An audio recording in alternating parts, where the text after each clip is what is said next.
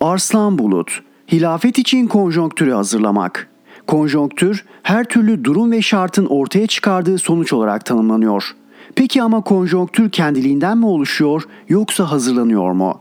Mesela Ukrayna'ya Rus müdahalesi bir sonuçsa şartları önceden hazırlanmış değil midir?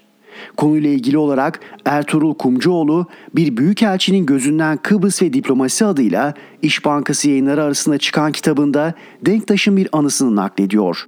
Rauf Bey 24 Temmuz 1974 müdahalesinden çok önce zor günlerden birinde uykuyla uyanıklık arası bir haldeyken birden karşısında Atatürk'ü görür. Atatürk kendisine konjonktüre dikkat et Denktaş, konjonktüre der ve kaybolur. Kendisi bu rüyayı bir şeylere yoramaz ama unutmaz da. Aradan belli bir zaman geçer. Zaman 1974 yılının Temmuz ayıdır. Adanın güneyinde Nikos Samson darbesinin yol açtığı karmaşa bütün şiddetiyle devam etmektedir. Denktaş'a göre Türkiye'nin adaya müdahale etmesi için şartlar uygundur, hazırdır. Yani gün o gündür. Zamanın zor şartlarında bir ara Başbakan Bülent Ecevit'e telefonla ulaşmayı başarır ve düşündüklerini biraz da telaşla ona aktarmaya çalışır. Bir ara Ecevit anlıyorum Sayın Denktaş, anlıyorum ama konjonktürü hazırlamak zorundayız gibi bir şeyler söyler ve telefon bağlantısı kesilir. Rahmetli Rauf Denktaş bu anısını anlattığında hafiften heyecanlanmış ve geçmişte yaşadıklarımıza baktığımda Türkiye'nin müdahale edeceğinden pek emin olamıyordum. Ama zihnimin bir köşesinde çakılı o sihirli kelimeyi, konjonktür sözünü duyduğum an Türk askerinin yakında adaya ayak basacağına kani oldum demişti. Konjonktürü hazırlamak kavramı ışığında devam edelim. Çanakkale Köprüsü'nün 18 Mart zaferinin yıl dönümünde açılması sırasında yapılan iki konuşmada da aynı tema kullanıldı. Önce Cumhurbaşkanı Tayyip Erdoğan, sonra Büyük Çamlıca Camisi İmam Hatibi Kerim Öztürk neredeyse aynı sözleri söyledi. Bunun bir tesadüf olmadığı belli.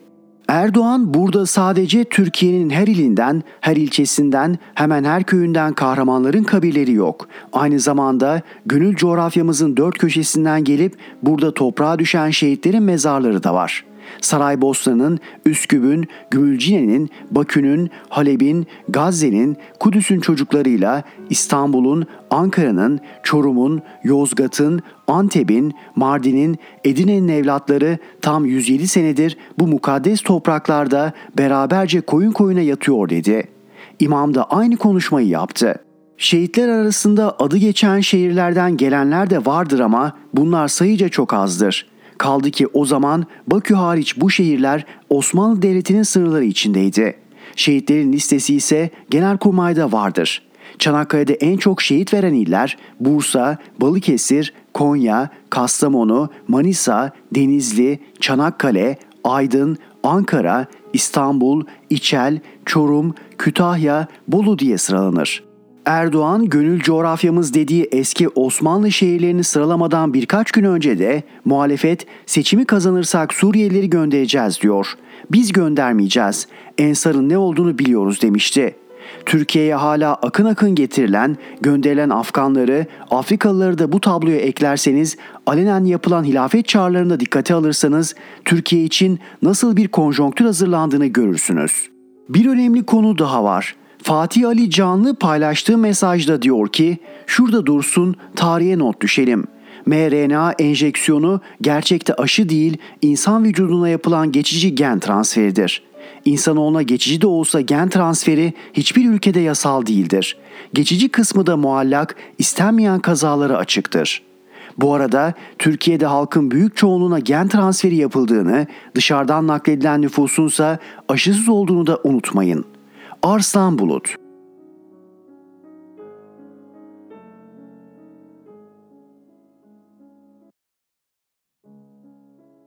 Ayşenur Arslan, Rasim Ozan, Erkan Tan, Ersoy Dede falan.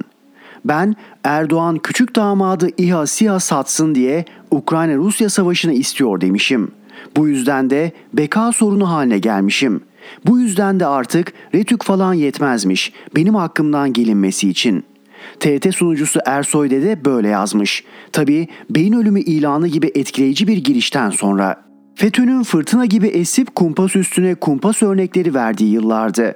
Rasim Ozan bir yazısında çok yakında Silivri'ye gideceğimi müjdelemişti. Gülen'e sensiz buralar mahzun diye seslenen Erkan Tan da devrin değişip Reis Aşkı filminin vizyona girdiği günlerde beni hatırlamıştı. Bu kadın hala mı dışarıda diye bağır bağır bağırmıştı. Daha kimler, daha neler neler. Ersoy Dede sonuncusu. Dediysem arkasında dururum. Maksadımı aşmışsam özür dilerim. Peki ya ortada denmiş bir şey, maksadı aşacak bir ifade yoksa Evet, dedenin söz ettiği tüm isimler geçiyordu cümlemde. Ancak sıra fiillere gelince durum tam zıttıydı. Zira kendisi ve politikası hakkındaki görüşlerimi cümle alemin bildiği Erdoğan hakkında belki de temkinli olsa bile ilk kez olumlu bir görüş belirtiyordum. Yine cümle alemin malumu işgal eden değil, işgal edilen taraf olduğu için Ukrayna'yı destekliyorum.'' ve bu ahlaksız işgalde Ukrayna'nın en büyük güvencelerinden birinin Bayraktar silahları olduğunu biliyorum. Ekranda bunu ifade ettim ve Ukraynalılar için önemini Bayraktar için yaptıkları marşı yayınlayarak vurguladım. Sonrasında Bayraktar reklamı yaptığımı söyleyen de çıktı. Ama sözlerimden bu kadar paranoyakça bir anlam çıkartan sadece malum kişi oldu. Beynimin henüz sağ ve sıhhatli olduğu geçmişte başıma gelen bir olay söyletiyor bunu.'' 12 Eylül öncesi bir gece vakti. Sokaktan gelen çığlıklarla uyandım. Hemen pencereye koştum. Birkaç adam bir genci kollarından tutmuş sürükleyerek bir arabaya bindirmeye çalışıyordu. Bir kadın da onlara engel olmaya çalışarak çığlık atıyordu. Hemen polisi aradım. Durumu özetleyip ekip göndermelerini istedim. Sonra tekrar pencereye döndüm ve ne göreyim Karşı apartmandaki yaşlı komşumuz fenalaşmış. Gelen ambulansmış. Bağıran da ne olur ölme diye feryat eden eşiymiş. Tekrar telefona koştum, özür dileyerek durumu anlattım. Elbette sonrasında uzun uzun düşündüm bu tuhaf olayı ve şu sonuca vardım. 12 Eylül öncesi o kadar vahşi şeyler yaşamıştık. Ersoy dede belki bilmez 7 tipli gencin katledilmesi gibi öylesine dehşet verici olaylara tanık olmuştuk ki zihnim bir sağlık sorununu saldırı diye algılamıştı. Öyledir. Korku, paranoya, düşmanlık gibi keskin duygular zihninizde her şeyi saldırı diye tercüme eder. Merak ediyorum. Bayraktar meselesi bir yana Antalya buluşmalarının önemini ve Türkiye'ye sağladığı itibarı aynı ekranda vurgulamış olmamı acaba nasıl yorumladı Ersoy dede? Şunun farkındayım. Sizinle aynı dünya görüşünde olmadığım için benden nefret ediyorsunuz. Dolayısıyla bırakın maksadı aşmayı falan lehte bir ifadeden bile beka sorunu çıkartıyorsunuz. Belki beni emeklilik ya da cezaevi yoluyla bertaraf etmeyi düşünüyor, umuyorsunuz. Güç, mutlak güç sizde. Hiç değilse şimdilik. O gücü gazetecilik yerine gazetecileri ihbar etmek için kullanıyorsanız ne diyeyim? Dilerim bir gün vaktiyle bana saldıran pek çok kişiyi haksız yere yargılandığında savunduğum gibi sizi de savunmak zorunda kalmam. Ayşenur Arslan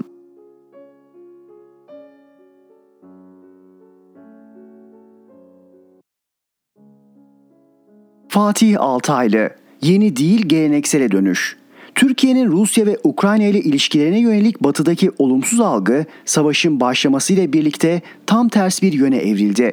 Akılcı politika hemen her yerde alkışlanıyor, doğru bulunuyor. Son yıllarda Türkiye karşıtlığını inatçı bir ideolojik tavır haline getiren The Economist gibi yayınların ve yazarların Türkiye karalamaları Türkiye'nin savaştaki rolüyle birdenbire açığa düştü ve Türkiye'nin her iki tarafla da ilişkiyi makul zeminde sürdürebilme yeteneği önem kazandı. İç ve dış muhalifler şaşkınlıkla izledikleri bu tutumu doğru buluyor ve alkışlıyor. Oysa ortada şaşırtıcı bir şey yok. Türkiye aslında yeni bir şey yapmıyor, yeni bir şey öğrenmiyor. Tam aksine bildiği hem de çok iyi bildiği bir üsluba geri dönmüş görünüyor. Cumhuriyetin geçmiş dönem dış politikasına, dış politikayı ideolojiye esir etmeyen tavrına, kurucu ideolojinin dış politika tavrına, Türkiye AK Parti döneminde dış politikada çok feci, her biri felaketle sonuçlanabilecek, hatta zaman zaman sonuçlanan hatalar yaptı. Bu hataların tek bir nedeni vardı, ideolojisini iç politika kadar dış politikaya da yansıtması. Türkiye 20 yıldır özellikle de Orta Doğu'da ve yer yer Avrupa ile ilişkilerinde ideolojiye dayalı bir dış politika yürüttü. Türkiye'nin dış politik genetiğinde olmayan ensar, cihat gibi kavramlar üzerinden ve geçmiş imparatorluk hayallerine dayalı bir uluslararası ilişkiler tavrı ve uygulaması geliştirdi. Gün geldi, ihvandan daha ihvancı oldu. İdeoloji ulusal çıkarların önüne geçti. Hatta ulusal çıkar kavramı unutuldu. bu ideolojik tavra bir de sözde ilkeli yaklaşım kulbu takıldı. Suriye örneğinde çok net gördüğümüz gibi bu politika sürekli çıkmaza girdi. Ülkenin iç ve dış güvenliğini tehdit eden sonuçlar yarattı. Şimdi büyük bir icat ve büyük bir başarı gibi görülen şey ise bir yenilik değil, geleneksel dış politikaya dönüştür aslında. Yıllarca hakarete uğrayan monşerlerin hakkını teslimdir. İnsan aklına giydirilen deli gömleği çıkarılmış, belki de koşulların dayatması sebebiyle akıl gömleğine geri dönülmüştür.''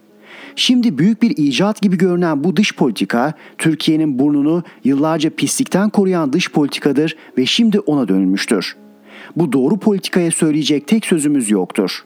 Darısı ensar ve muacir gibi kavramlar üzerinden Türkiye'ye büyük bir göçmen sorunu yaratan ideolojik tavrın başına. Belki sonunda bir gün bu memleketin doğudan gelenlere niye mülteci statüsünü vermeye yanaşmadığını da anlarlar. İnşallah çok geç olmadan. Ne var ne yok. Türkiye'de AK Parti öncesi olmayanlar listesi giderek uzuyor. Yok yoktu, köprü yoktu, otomobil yoktu, elektrik yoktu, su yoktu, çamaşır makinesi yoktu, buzdolabı yoktu, otomobil zaten yoktu. Mağarada yaşıyorduk. Ateşi odunları birbirine sürterek yakacaktık ama odun da yoktu. Şimdi bu listeye ambulans da eklendi. İşin ilginci bu ambulans meselesini iki sene önce genç bir okurdan gelen mail üzerine yazmışım. Ambulans yok idiyse nasıl oluyor da 112 ambulans hizmeti 28 yaşında olabiliyor? At arabasıyla mı hasta taşıyorlardı diye. AK Parti'den önce akıllı telefon yoktu. Çünkü henüz icat edilmemiş, icat edilmişse de yaygınlaşmamıştı. AK Parti'den önce bu kadar yaygın bir internet ağı yoktu. Doğru ama zaten bilinmiyordu, kullanılmıyordu. Şimdi gelişti ama yine de olması gerektiği kadar gelişmedi.'' Bu kadar yaygın bilgisayar kullanımı da yoktu belki. Doğrudur, LED TV yoktu çünkü icat edilmemişti. Ve keşke betona yatırdığımız parayı sanayiye yatırsaydık da bu LED ekranları üretecek fabrikalarda kurulmuş olsaydı. Ha bir de AK Parti'den önce bu kadar dış borcumuz da yoktu. Ve bir grup müteahhide yıllar boyu ödemek zorunda olduğumuz garanti ödemelerimizde. Üçüncü dönem tartışması boşa enerji harcaması. Yeni seçim yasasının meclise gelmesiyle birlikte meclis ve cumhurbaşkanlığı seçimlerinin zamanında yapılacağına olan inanç arttı. Çünkü yeni yasa ancak bir yıl sonra uygulanabilecek. Bu da seçimlerin 2023 Nisan'ından hatta belki Mayıs'ından önce yapılırsa yapılan değişikliğin uygulanamayacağını, bu durumda da seçimlerin bu tarihten önce yapılmayacağını gösteriyor. Hal böyle olunca da tartışma hemen başladı. Cumhurbaşkanı Erdoğan yeniden aday olabilir mi, olamaz mı? Çünkü kimi anayasa hukukçularına göre Cumhurbaşkanı Erdoğan daha önce iki kez halk tarafından seçilmiş Cumhurbaşkanı görevinde bulunduğuna göre üçüncü kez ancak ve ancak meclis tarafından erken seçim kararı alınırsa aday olabiliyor. Erken seçim olmazsa aday olamıyor. Bunun tam tersini söyleyen anayasa hukukçuları da yok değil. Son olarak dün gazeteci dostumuz Orhan Uğuroğlu Erdoğan aday olamaz diye noktayı koymuş. Okuyunca güldüm. Gerçekten Türkiye'de Cumhurbaşkanı ve AK Parti Genel Başkanı Recep Tayyip Erdoğan'ın istediği halde üçüncü kez Cumhurbaşkanlığı aday olamayacağını düşünen, hadi diyelim ki düşünüyor, bu düşüncesine kendi inanan var mı acaba? AK Parti Erdoğan'ı aday gösterecek ve bu adaylık olamazsın diye reddedilecek. Böyle bir ihtimal kim görüyor merak ediyorum. Çünkü sistem basit. Adayları kabul veya reddetme yetkisine sahip tek bir kurum var. Yüksek Seçim Kurulu. Yüksek Seçim Kurulu 6 yargıtay 5 danıştay üyesinden oluşan karma egemen bir yüksek yargı merciidir. Kararları kesindir, tek yetkilidir. Peki sizce Yüksek Seçim Kurulu'nun yapacağı bir anayasa yorumuyla Erdoğan'ın adaylığını hayır olamazsın diye reddetmesi mümkün mü? Bence böyle bir ihtimal hiç ama hiç yok. Erdoğan istediği müddetçe aday olacaktır. YSK'nın da bu adaylığı reddetmesi asla ve kata mümkün değildir. Bu yüzden de bu boş tartışmayla ülkeyi yormanın, muhalefeti korkak göstermenin hiç alemi yoktur. Kazık bize, para onlara. Haftalar önce üçlü elektrik tarifesinin vatandaşa nasıl bir kazık soktuğunu anlattım bu köşede. En yoğun kullanımın olduğu saatin en pahalı tarifeye denk geldiğini ve vatandaşın faturalarının bu yüzden daha da kabardığını ve bir rezaleti daha ortaya koydum. Sürekli yaz saat uygulaması sebebiyle pahalı tarife bir saat geç bitiyordu. Yani evde yüksek elektrik tüketimi gerektiren işleri ucuz tarifeye girmek için gece 11'den sonra yapsanız bile bir işe yaramıyordu. Çünkü otomatik sayaçlar kız saati uygulaması yaptığı için size bir saat daha kazık atmaya devam ediyordu. Bu açık haksızlığı, bu açık kazıkçılığı, bu aleni hırsızlığı göz önüne serdiğimiz halde aradan haftalar geçti ne dağıtım şirketlerinden ne de bu şirketleri denetlemekle görevli kurumlardan bu işe bakıyoruz, bu haksızlığa son vereceğiz açıklaması geldi. Umursamadılar bile. Sadece beğenmeyen üçlü tarifeden çıksın dediler. Tabi bedeli karşılığında yeniden sayaç parası ödeyerek. Söz konusu olan iktidarın yaptığı işler olunca empati duygusu güçlü olan bazıları ise kardeşim tamam da o şirketlerde peşin peşin devlete 14 milyar dolar ödediler özelleştirme için. Sonuçta o para da vatandaş için kullanıldı dediler.'' Bakın işte bunun bir bölümü doğru. Evet, dağıtım şirketleri devlete 13 milyar dolar ödediler. Devlet de o parayla Suriyeli, Afganistanlı mültecileri ağırladı. Kendi açıklamalarından da anladığımız kadarıyla o parayı ve bunun kat be kat fazlasını bu mülteciler için harcadı. Yani anlayacağınız özelleştirmenin ve hatta özelleştirmelerin kazığını biz yiyoruz, parasını ise göçmenler. Tarihlere bakarsanız o bile tutuyor. Hesap bu kadar basit.'' Ne zaman adam oluruz? Üzülmemiz gereken şeylere sevinmiş gibi yapmadığımız zaman. Fatih Altaylı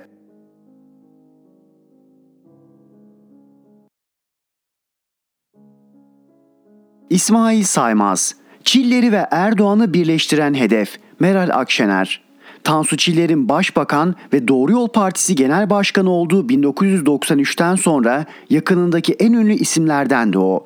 Adını saklı tutuyorum.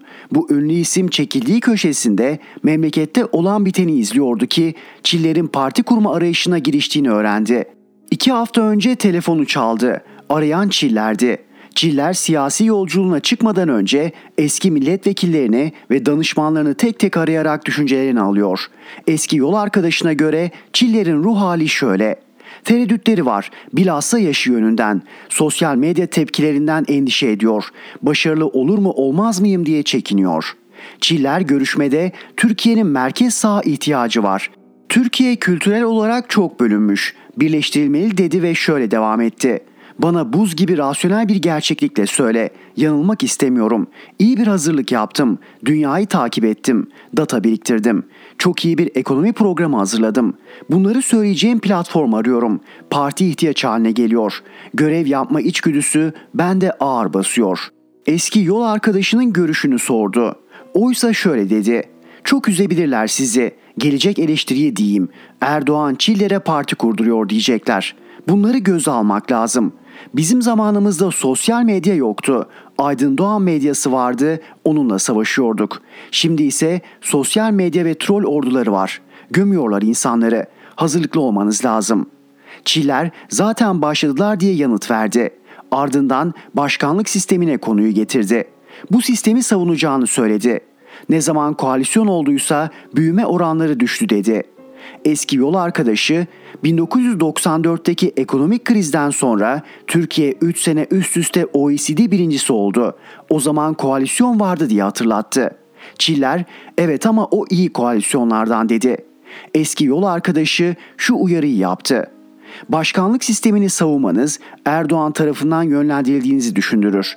Partili Cumhurbaşkanlığına karşı çıkın. Bu sizi ayrıştırır. Çiller olabilir, düşünelim dedi. Ardından sordu. Sence AK Parti'den oy alabilir miyiz?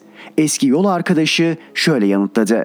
Çok az. Merkez sağdan gitmiş oyların bir kısmını Akşener'den bir miktar, bir miktarda eski sadık seçmenden alırsınız. Ama bunların toplamı beklentilerinizin çok aşağısında olabilir. Mesela %3 ila 5 oy alabilirsiniz.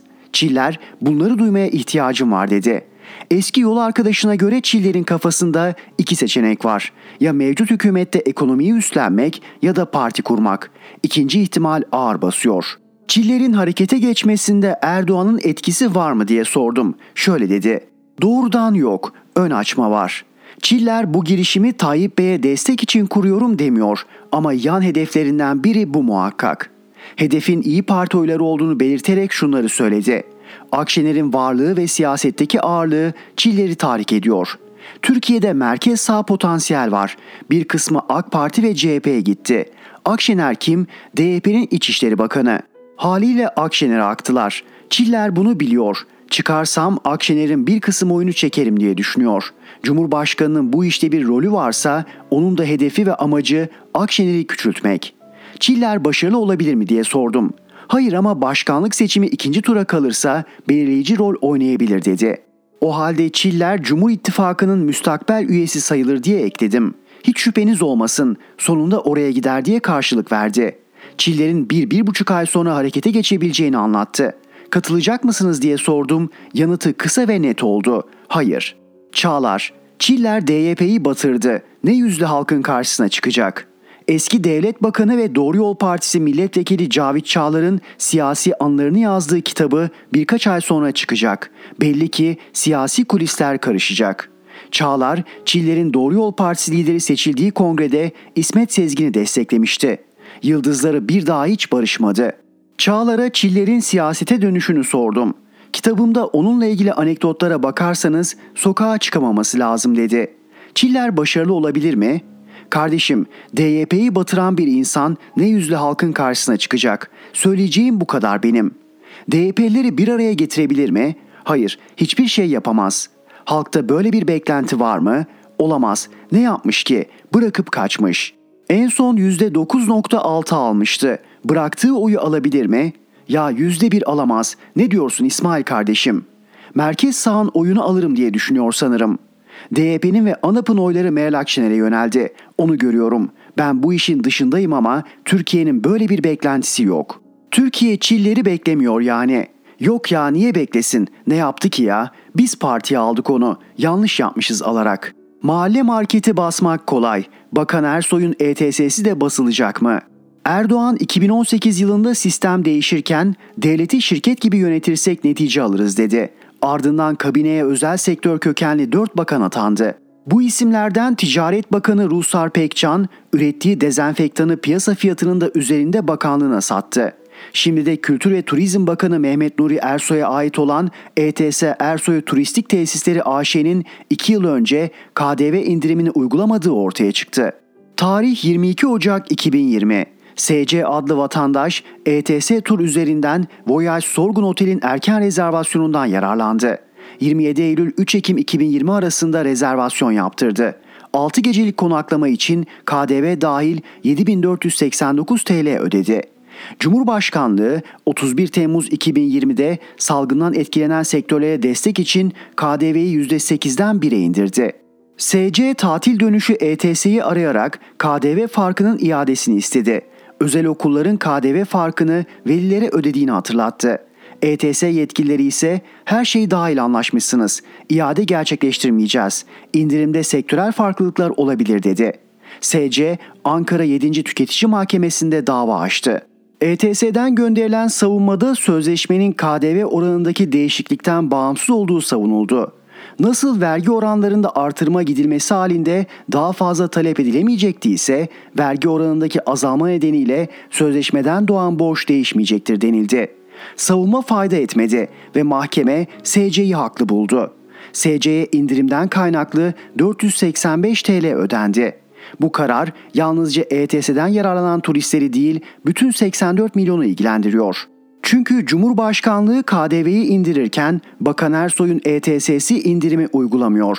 Bakan Ersoy karar versin. Kime hizmet ediyor? Devlete mi, ETS'ye mi? Ticaret Bakanı Mehmet Muş, gıdadaki KDV'nin %8'den %1'e düşürülmesini, etiketlere yansıtmayan marketlere ceza kesileceğini söyledi. Kimi marketler denetleniyor, baskına uğruyor ve ceza yiyor. Arkalarında bir bakan yok diye mi? Merak ediyorum. Ersoy'un ETS turuna geçmişe dönük ceza verilecek mi? İsmail Saymaz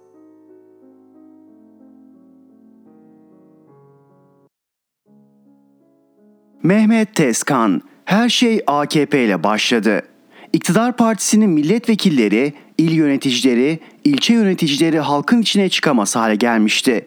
Genel başkanları kapı kapı dolaşın, çalmadık kapı bırakmayın dese de ne kapı kapı dolaşacak halleri vardı ne de çaldıkları kapıdan gelen sorulara verilecek cevapları. Ekim ayından beri moralleri sıfır. Hayat öyle pahalandı ki kendileri bile bu ne demeye başladı. Çünkü Türkiye'de hiçbir dönem hayat kısa sürede bu kadar pahalanmamıştı. Çünkü Türkiye'de hiçbir dönem insanlar hızla yoksullaşmamıştı. AKP'lerin verecek cevabı olmadığı için yastık altı politikası izlemeye başladılar. Yani ortalığa çıkmama, kendini göstermeme, gizlenme politikası da diyebiliriz. Cevap vermek zorunda kalanlar da Avrupa'da benzin bizden pahalı. Avrupa enflasyondan kırılıyor. Avrupa'da insanlar ekmek kuyruğunda, gıda kuyruğunda. Avrupa yokluk çekiyor gibi saçma sapan sözler sarf ettiler. Konuşmasalar daha iyiydi çünkü alay konusu oldular. En son yaşanana bakın. Skandal. Pide 6 lira oldu. İnsanlar nasıl alacak sorusuna AKP Grup Başkan Vekili pide hemen bayatlayan üründür. Somun ekmek hemen bayatlamaz yanıtını verdi. Pide sizin neyinize demek istedi herhalde. Öyle demek istemese bile bu anlama geldi. Diyorum ya abandone vaziyetteler. Ağızlarından çıkanı kulakları duymuyor. AKP Genel Başkanı da şaşkındı. Ekonominin bir dokunuşta allak bullak olacağını tahmin etmiyordu. Uzun süre ne diyeceğini bilemedi. Sonunda buldu. Nas var dedi. Herkesi bağladığını söyledi. Bir Müslüman olarak Nas neyi gerektiriyorsa onu yapacağını ilan etti. Tutmadı tabi. İnandırıcı bulunmadı. Zamların üzerine örtemedi. Çare olamadı. Erdoğan baktı ki işler her geçen gün kötüye gidiyor. Partisi teslim bayrağını çekti çekecek halde ölü toprağını atmak için bir dizi toplantı düzenledi. Çeşitli vesilelerle il ilçe başkanlarını, parti yöneticilerini toplayıp onlara moral vermeye çalıştı. Milletvekilleriyle gruplar halinde görüşerek gönüllerini okşadı. Pazartesi günü vefa adı altında eski milletvekillerine hitap edecek. Anladığım kadarıyla şöyle bir taktik izliyor. AKP'nin iktidara gelişini milat yaptı. Eski Türkiye yokluk içindeydi, AKP'li Türkiye bolluk içinde. Türkiye'nin kaderi AKP ile değişti. Bu söylemin ilk örneğini dün kendi verdi. Biz geldiğimizde bırakın paletli ambulansı normal ambulans yoktu dedi. Daha önce de elektrik yoktu demişti. Buzdolabı fırın yoktu demişti. Türkiye'de olan biten her şeyi AKP'ye mal etmek istiyor. Her şey AKP ile başladı algısını oluşturmak istiyor. Birinci taktik bu. Gerçek olmasa da abartılı mukayese. İkinci taktik ise AKP'nin yaptıklarını anlatmak. Bugün Çanakkale Köprüsü'nün açılış töreni var. Şova dönüştürecek. Sadece yeni köprü değil, bugüne kadar yapılan bütün köprüler, otoyollar, havaalanları, tüneller video gösterisiyle uzun uzun anlatılacak. Maliyetlerini, verdiğimiz garantileri, sırtımıza bindirdiği yükü, müteahhitlerin neler kazandığını sormayın. Mecbur çoğu kanal kesintisiz yayınlayacak. Peki vatandaş bugüne ilişkin soru sorarsa Önümüz Ramazan, iftarlık bile alamıyoruz. Sahurda sofraya ne peynir koyabiliyoruz, ne zeytin, ne yumurta. Eti unuttuk zaten derse AKP'li vekiller ne yanıt verecek? Ne yanıt vermeli? Erdoğan'ın yanıtı şu, yaşadığımız geçiş sürecinin bedelidir. Evet evet, geçiş sürecindeymişiz. Çin modeli dediler olmadı. Türk modeli dediler işlemedi. Nas sebebiyle diye dine sığındılar tutmadı. Pahalılığa yeni bahane bu geçiş sürecinin bedeli. Nereden nereye geçiyoruz biri çıkıp izah etse. Bedelini 81 milyon ödüyor ama kimse geçiş sürecinin ne olduğunu bilmiyor. Bakanlar bile, AKP'li vekiller bile, AKP'yi yönetenler bile. Erdoğan'ın bile izah edeceğini zannetmiyorum. Açıklaması olsa basın toplantısı düzenler, tane tane anlatır. Bizde 35 liraya satılan peynirin bir yılda neden 70 liraya çıktığını, doların 7 liradan 14,5 liraya neden yükseldiğini, Türk lirasının neden dünyanın en değersiz paralarından biri olduğunu anlarız. Pardon, hani Türkiye Cumhuriyeti olarak biz artık köprüyü geçmiştik. Berat Albayrak böyle dememiş miydi? Mehmet Tezkan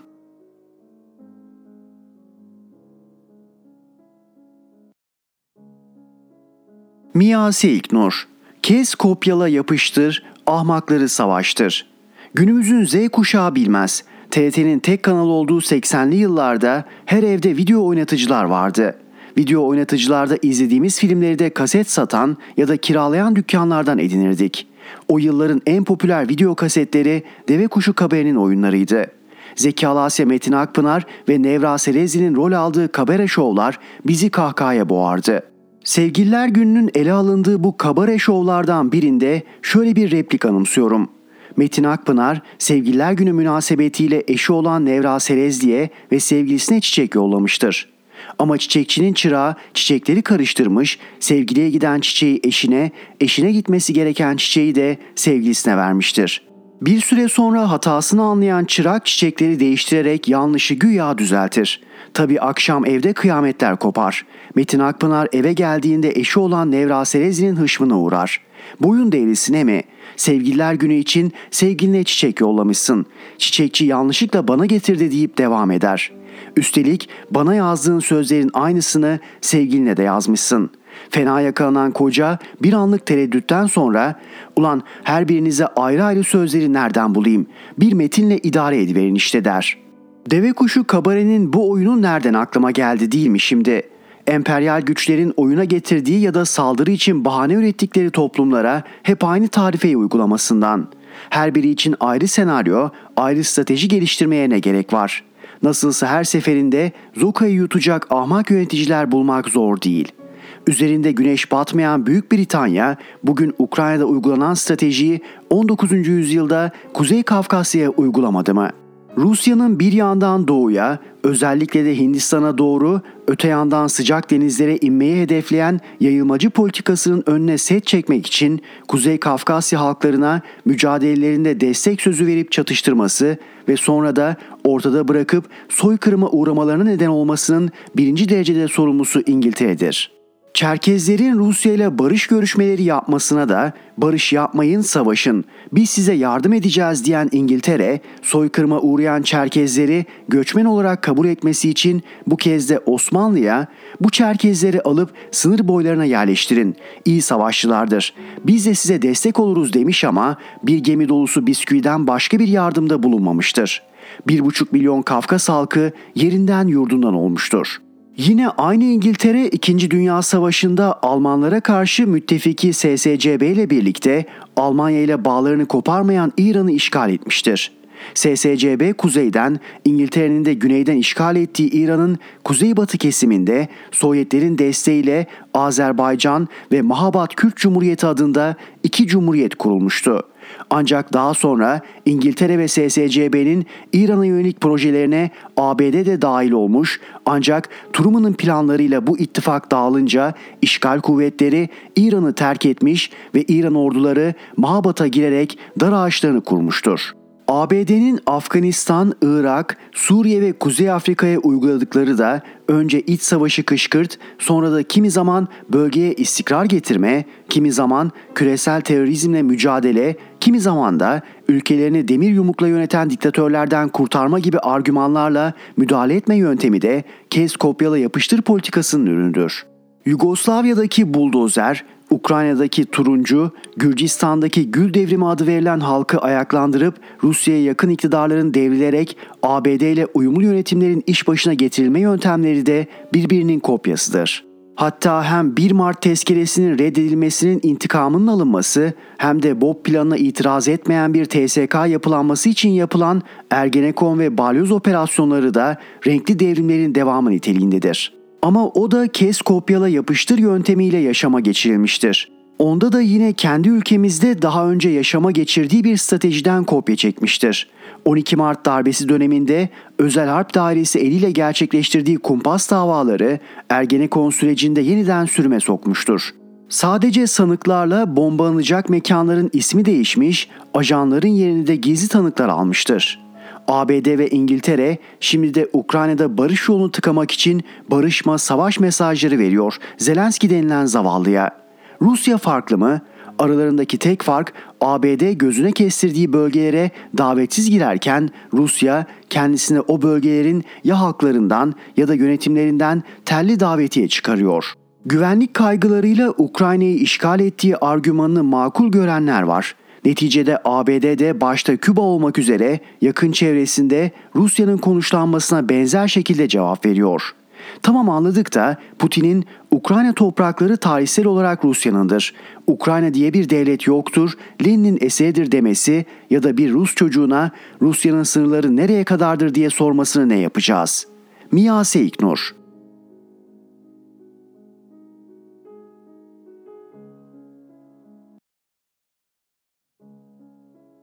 Murat Ağırel, emekliye bin liralık eziyet. Bu köşede elimden geldiğince emeğiyle geçinenlerin hem işlerinde hem de mevzuat önünde yaşadıkları problemleri duyurmak adına ses olmaya çalışıyorum. Büyütülmeden çözümlenmesi çok kolay olan sorunlar ne yazık ki bir türlü çözüme kavuşturulamıyor. Bugün de emeklilerin dertlerini anlatayım. Gerçi soyut olarak emekliye inanan biri değilim. İnsan vücudu el verdiğince üretmeli, gerektiğinde gezmeli ve gerektiğinde de dinlenmeli. Ama gelin görün ki yıllarca çalışıp üretmiş insanların bile haklarını gasp ediyorlar. Biliyorsunuz her yıl bayramlarda emekli yurttaşlara bayram ikramiyesi dağıtılıyor. Ancak eşitsizlik söz konusu. Dağıtılan ikramiye enflasyon baz alındığında artacaktır diye bekleniyor ancak bırakın artışı binlerce yurttaş bu haktan yararlanamıyor bile. Oysa ki yararlanamayan yurttaşların alacağı para silinen vergi miktarının belki de yüzde biridir. Ya da garanti edilen ve geçmedikleri halde her yurttaşın cebinden çıkan günlük paraya eşdeğerdir. Büyük bir haksızlık var. Bu konuda bana Emekli Bankacı Dernekleri platformu ulaştı. Özetlerse konu şu. Devlet, SGK, Bağkur ve emekli sandığı emeklileri ve onların dul ve yetimlerine hazinesinden Ramazan ve Kurban bayramlarında bin liralık ödeme yapıyor. Ancak emekli bankacılar seçim öncesi vaat edilen 1000 TL bayram ikramiyesini yasa kapsamında almadıkları gerekçesiyle bugüne kadar alamadı. Böyle 150 bin civarında emekli bankacı var. Aileleriyle birlikte 300 bin kişi. Üye sayıları toplamı 21 bin kişi olan 8 bankanın emekli derneklerinden oluşan Emekli Bankacı Dernekleri platformu yasanın çıktığı tarihten itibaren konu hakkında defalarca Cumhurbaşkanlığına, Türkiye Büyük Millet Meclisi Başkanlığına, partilerin başkan ve başkan yardımcılarına, ilgili bakanlara yazdı, ulaşmaya çalıştı. Tüm iletişim yollarının denenmesine rağmen bugüne kadar ne bir cevap ne de bir sonuç alınabildi.'' Bakın anayasanın eşitlik ilkesine uymayan Türkiye Büyük Millet Meclisi'nde milletvekilleri tarafından defalarca dile getirilen, kamuoyunun da artık çok iyi bildiği bu haksız uygulama düzeltilmeli. Bunun için emekli bankacılara ödenmesi talep edilen bayram ikramiyelerinin hazineden karşılanması için kanunda değişikliğe gidilmesi gerekiyor. Bin lira yahu bin lira Külliyede, belediye binalarına, ilçede, köyde kıytırık bir bürokratik makama bir şey lazım oldu mu milyonları harcıyorsunuz. Emeklilere gelince süründürüyorsunuz. Bu insanlar 30-35 yıl size mi çalıştı? 12 milyon emekliye ödenmekte olan bayram ikramiyelerinin sayısı 150 bin civarındaki banka vakıf sandıklarından emekliye ayrılanlara da ödenmesi için tek bir karar yeter. Çok uzatmayacağım. Japonya'da enflasyon %2'ye çıktı diye neredeyse olağanüstü hal ilan edecekler. Bizde %150'ye dayanmış daha da gidiyor. Rusya-Ukrayna savaşı uzarsa bizi daha da beter bir hale sokacak. İthal ikameli neoliberal bir ekonomi politikası gütmek yerine acilen kamu kontrolünde üretim ekonomisine geçmemiz gerekiyor. İktidarda felaketi görmüş olacak ki tarımda ardı ardına üretim teşviklerini açıkladı. Yeter mi? Yetmez tabii. 3-5 bin dönüm arazisi olan derebeylerine teşvik vermek çözüm olmaz. Köylüye çiftçiye destek verilsin ki milyonların karnı doyduğu gibi üretim de artsın. Emeklilere, köylülere, işçilere, alt gelir grubunda çalışan tüm meslek gruplarına hatta memurlara zam yapmak yetmez. Sonuç olarak içerideki üretim artacak ki gıda enflasyonunu da en aza çekeceğiz.'' Bunun yollarını da işin uzmanlarına sorup bir başka yazımızda değerlendiririz. Murat Ağırel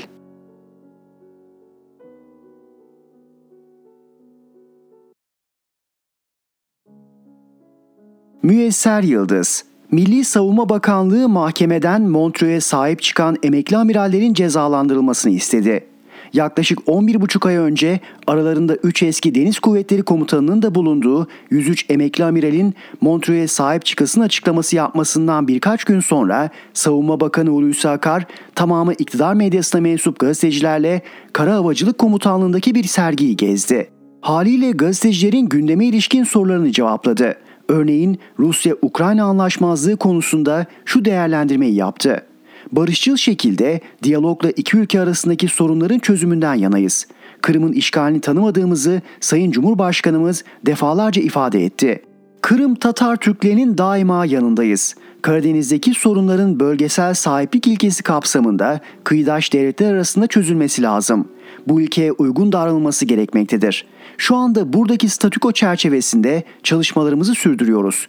Krize sebebiyet vermeden Rusya ve diğer Karadeniz'e kıyısı olan ülkelerle dengeyi korumaya çalışıyoruz.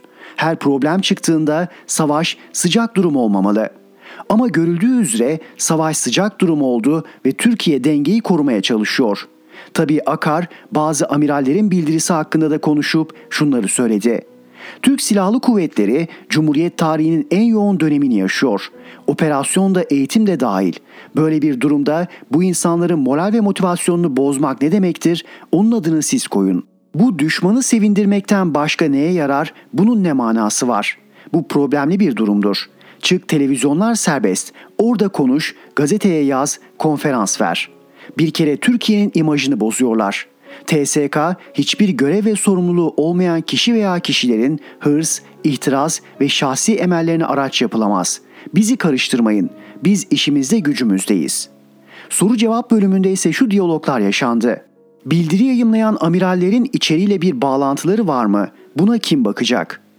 Akar, bunları savcılık inceliyor, istihbarat bakıyor, biz de bakıyoruz. Kim nelere gitmiş, kimlerle görüşmüş bakılacak. Bildiriyi nasıl değerlendiriyorsunuz? Akar, Türk Silahlı Kuvvetleri'ni kullanıyorlar. Bunu görüyorsunuz değil mi? Bu arkadaşların silahlı kuvvetlerde bir görevi, sorumluluğu var mı? Yok. Dolayısıyla bunlar kendi içlerinde, kendi egoları doğrultusunda ben bilirim, ben ederim anlayışı içinde.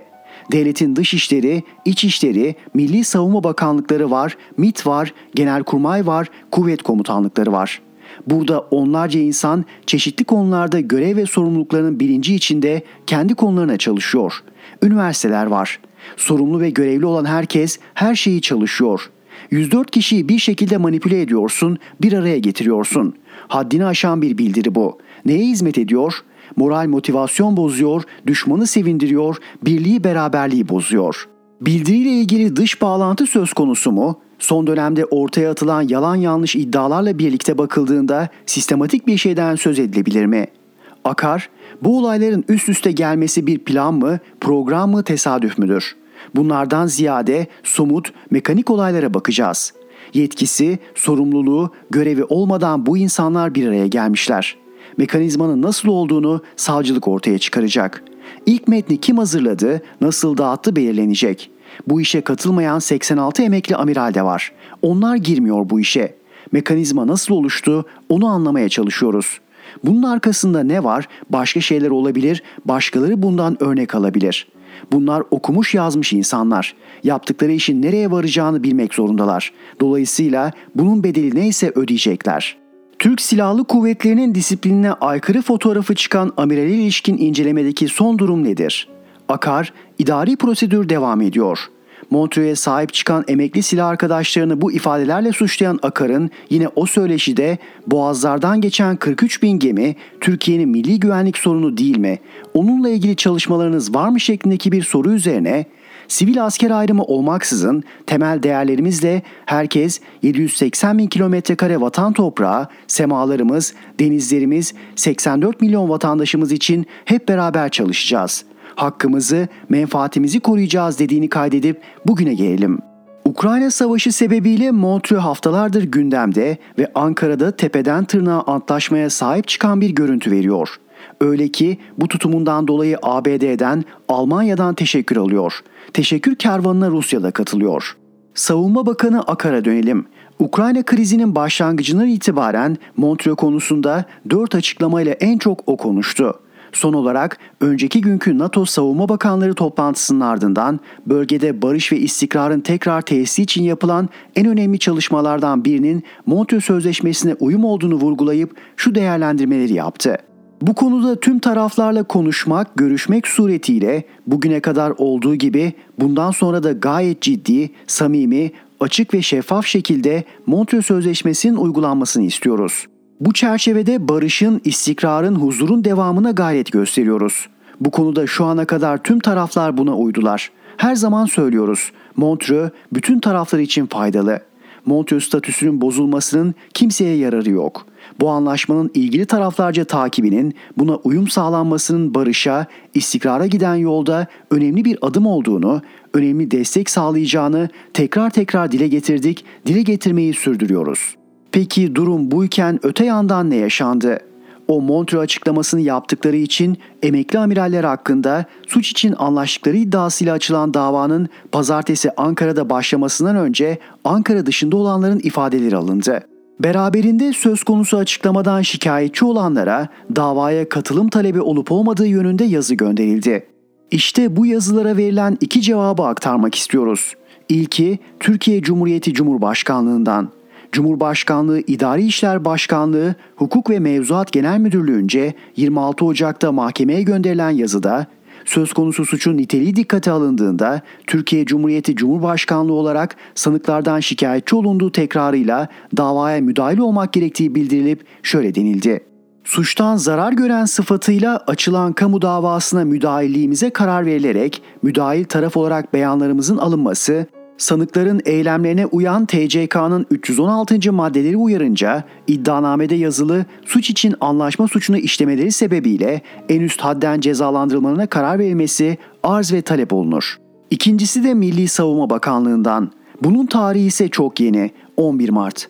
Yani Ankara'nın Montreux'u peş peşe sahiplendiği günler. Bakanlık avukatı tarafından hazırlanan ve bakan adına Milli Savunma Bakanlığı Hukuk Hizmetleri Genel Müdürü Hakim Tuğgeneral imzalı bir üst yazıyla mahkemeye gönderilen dilekçede şu ifadelere yer verildi.